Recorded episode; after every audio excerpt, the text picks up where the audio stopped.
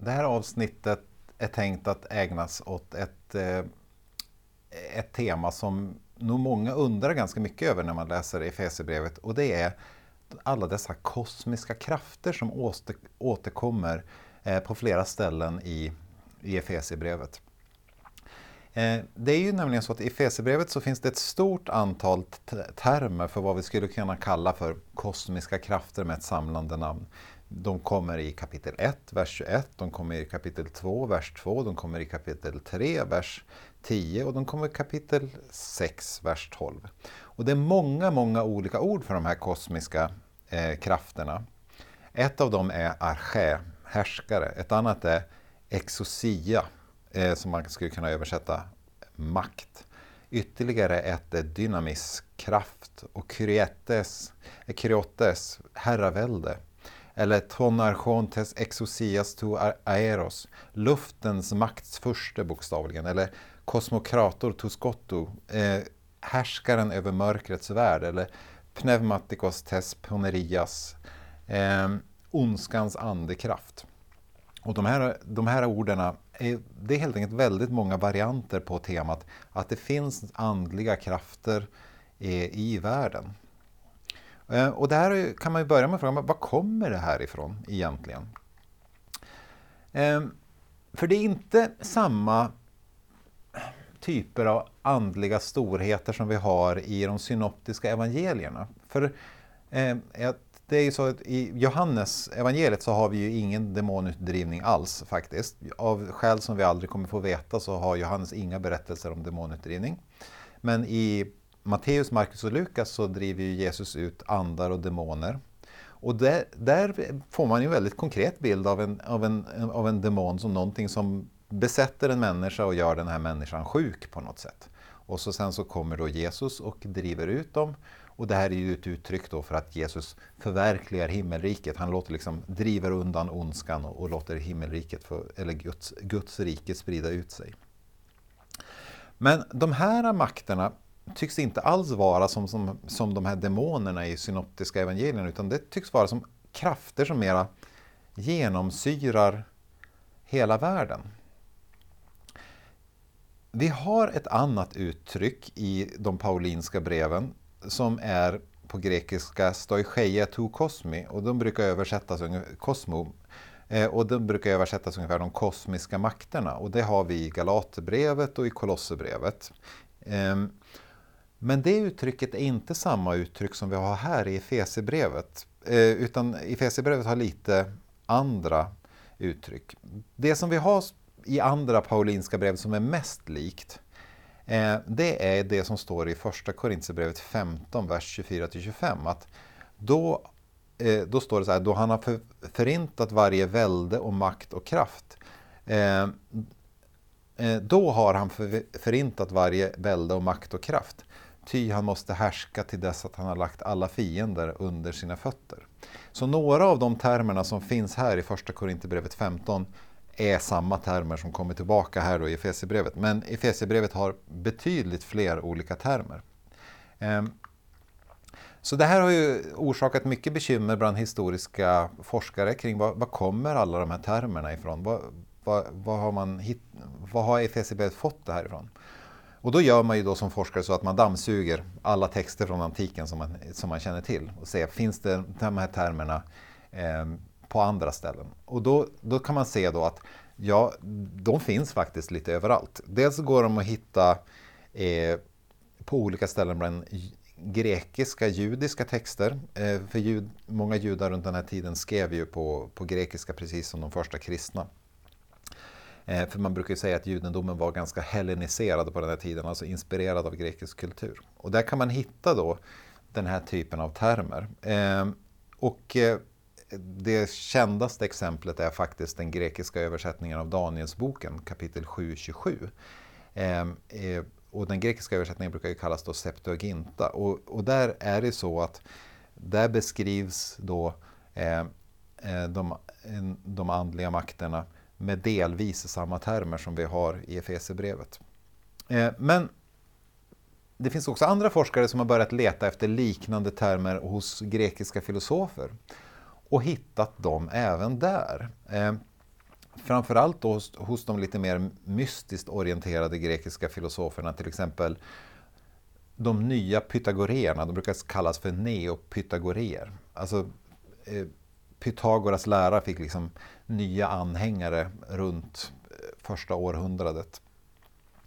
Och eh, de, här de här mystiskt orienterade filosofierna de tänkte sig att världen genomsyrades av andliga principer som man skulle anpassa sitt liv efter och leva på vissa sätt för att vara i samklang med dem.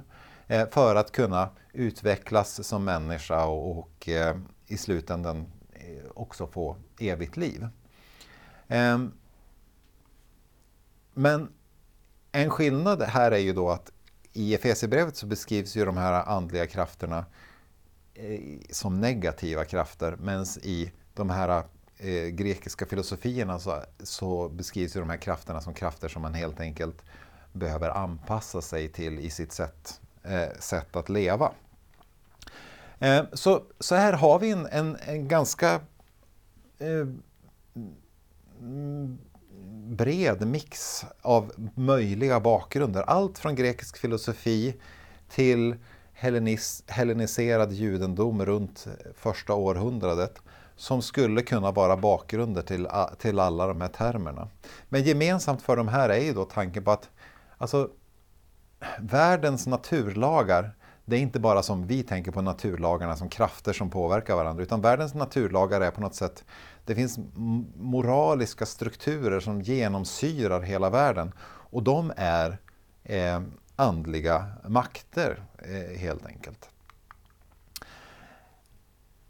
Det finns en... Nu måste jag ta en liten paus här, du får klippa. Mm. Så. Jo, det, det finns en passage som är lite extra spännande när man ska försöka förstå var det här kommer ifrån. Och det är ju den här bönen i kapitel 3. För där ber, eh, går bönen så här. Stå fasta och var stadigt rotade i honom så att ni tillsammans med alla de heliga förmår att fatta bredden och längden och höjden och djupet. Just det, bredden och längden och höjden och djupet. På vad då? Det står inte. Det är jättemärkligt. Fattar bredden och längden och djupet och höjden av vad då? Eh, så det, det, har man ofta funderat på vad är det vi ska förstå egentligen. Men så när man började hitta fler och fler eh, magiska papyrus från 1800-talet och framåt så samlades de i liksom vetenskapliga utgåvor med, eh, där man liksom, eh, eh hade dem utskrivna på grekiska och då upptäckte ju eh, forskare att det här uttrycket, bredden och längden och höjden och djupet, har vi hittat i åtminstone två stycken magiska papyrus. Eh, och båda de två är skyddsbesvärjelser eh, för, mot onda besvärjelser och onda andliga makter. Och det har lett vissa forskare till att fundera på, är det så att de kristna i Efesos är lite oroliga för att de här andliga krafterna ska kunna vara farliga för dem på något sätt, att de, ska, att de ska påverkas negativt av dem. Och i sådana fall så är ju budskapet i Efesierbrevet, nej, ni behöver inte vara rädda för de, de här andliga krafterna. Därför att ni har den mäktigaste på er sida. Ni har Kristus som sitter på tronen och ni har Gud på er sida som är mäktigare än alla andra makter i hela världen. Ehm, så det är en möjlighet då, för det var väldigt vanligt i antiken att man var orolig för att bli påverkad av magi. Och i sådana fall så är budskapet till de kristna, ni behöver inte vara oroliga för magi, för ni eh, har Kristus på er sida. Ehm, och det tydligaste exemplet på det är ju då kapitel 1, vers 18 till och framåt, där det står så här, eh, där, där han ber då att må han ge ert inre öga ljus så att ni kan se vilket hopp han har kallat till oss, vilket härligt arv han ger oss bland de heliga, hur härlig hans styrka är för oss som tror. Samma oerhörda kraft som han med sin makt lät verka i Kristus när han uppväckte honom från de döda och satte honom på sin högra sida i himlen högt över alla härskare och makter och krafter och herravälden, över alla namn som finns att nämna, såväl i den, denna tid som i den kommande. Allt la han under hans fötter och, och honom som är huvudet över allting gjorde han till huvudet för kyrkan som är hans kropp. Fullheten av honom som helt uppfyller allt. Så det, det, blir i sådana fall då en förtröstan i en situation där folk oroas för, oroar sig för att ansättas av andliga krafter eh, via magi. Eh, om man inte vill vara så här specifik, det här är ju lite spekulativt ändå, så kan man ju ändå säga att det, det tyder ju ändå på att det finns en allmänt svår situation eh, som, eh, som av de kristna i Efesos tolkas som att den har som en andlig dimension. här skulle man kunna jämföra lite grann med Uppenbarelseboken. Uppenbarelseboken tycks ju vara skriven med anledning av förföljelser och Uppenbarelseboken säger ju att det som händer er på jorden som församlingar, det har en motsvarighet i himmelen. Och även där är ju budskapet då att Gud och Kristus är starkare än, eh, än de onda andliga makterna. Så att, så att det kommer gå bra för, för församlingen. Men oavsett om man tolkar det som det här specifika då, att det kanske handlar om eh, att de är oroliga för att påverkas av magi, som, som kanske känns främmande för oss men som var väldigt vanligt i antiken. Eller om man tolkar det som att lite mer allmänt vagt att de var i en situation av, av stress och press som de, de tänkte sig ändå hade en andlig dimension. Så, så om man tänker sig någon typ av sån situation så, så, bli, så kan vi förstå vad som är poängen med den här avslutande eh, eh, uppmaningen på slutet. För på slutet så kommer ju den här berömda eh, bilden av Guds rustning. Där det står så här då i kapitel Eh, 6, vers eh, 10 och framåt. Ta på er Guds rustning så att ni kan hålla stånd mot djävulens lömska angrepp. Ty det är inte mot varelser av kött och blod vi har att kämpa, utan mot härskarna, mot makterna, mot herrarna över denna mörkrets värld, mot ondskans andemakter i himlarymderna. Ta därför på er Guds rustning, så att ni kan göra motstånd på den onda dagen och stå upprätt efter att ha upp, upp, fullgjort allt.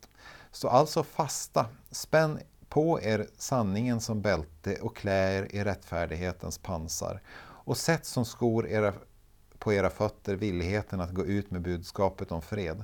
Håll ständigt trons sköld framför er, med den, med den ska ni få den ondes alla brinnande pilar att slockna. Och grip frälsningens hjälm och Andens svärd som är Guds ord. Det, gör det under åkallan och bön och be er ande varje stund. Därför ska ni hålla er vakna och aldrig tröttna i er bön för alla de heliga. Eh, så den här bönen är ju i ett vidare perspektiv en del av Efesierbrevets tanke att, eh, Efesie, att kyrkan är Kristi kropp i världen, i kosmos, som ska visa på vem Gud är för hela kosmos. Visa på Guds vishet. Och då om vi tänker oss att de befinner sig i en situation där de kanske på något sätt tycker att det är svårt att vara kristna. Så blir ju den här avslutande bönen en uppmaning att stå fasta i, eh, eller stå fasta under svåra tider eh, och att göra det konkret då under bön. Och den här, vad det här innebär praktiskt har ju fått många, många uttolkningar genom kyrkans historia. Ehm, jag tror att den allra mest destruktiva tolkningen det är ju den här med att folk som, som i stort sett säger att de ska ha bönekamp och bönedueller mot, mot demoner. Ehm, det är en tolkning som i stort sett mest bara har skrämt, skrämt upp eh, kristna ännu mer skulle jag vilja säga. Eh, så det, det tror jag är den kanske eh, mest destruktiva tolkningen. Men om vi bortser från den tolkningen så är det ju ändå så att om vi bara tittar oss runt omkring i vår värld så är det ju så att vår värld är genomsyrad av onda strukturer. Ehm, det finns massor med saker som är ont, som inte beror bara på enskilda individer utan det man skulle kunna kalla för strukturell ondska. Ehm, Eh, att det finns liksom krafter som, eh, som går utöver vad enskilda individer gör som, som skapar orättvisor här i världen. Och de här eh, strukturella krafterna som vi skulle kunna kalla ondska, det väljer ju då Efesierbrevet att ka, eh, tolka som andliga makter. många idag kanske skulle tolka det mer abstrakt som ja, strukturer mer än makter på det sättet. Och där finns det ju, kan man ju tolka det på många olika sätt inom kyrkan och har gjorts genom, på många olika sätt genom kyrkan. Vi, eh, och jag har den eh, största respekt för att man eh, kan komma till olika slutsatser i, här, i, i hur man tolkar den här texten. Eh, men jag tänker så här, för min del, att eh, det finns väldigt spretiga föreställningar om, om hur den andliga verkligheten ser ut i den antika kristendomen. Bara den här skillnaden mellan demonerna i, i de synoptiska evangelierna och de här mer abstrakta krafterna som vi ser här i Efesierbrevet. Eh, det är liksom inte riktigt samma beskrivning av, av den andliga verkligheten. Och om man går igenom allt det här så de blir ganska svåra att få gå ihop.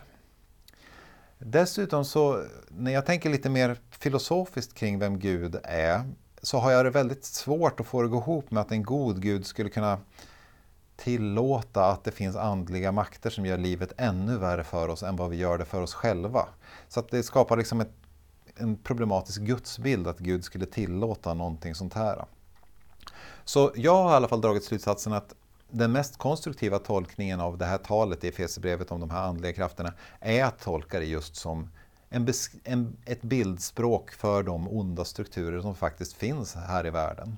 Och att det är kyrkans uppdrag att även i svåra tider eh, stå emot det här. Att eh, sätta på sig Guds rustning helt enkelt. Eh, och då finns det, tycker jag, ett positivt budskap att ta med sig. Det vill säga att det är kyrkans kallelse att visa på Guds vishet i en värld där det finns väldigt mycket ondska. Eh, och ondskan har inte det sista ordet. Eh, Gud är starkare än alla onda andliga krafter och Kristus är ytterst sett härskare över hela kosmos, även om vi har svårt att se det ibland.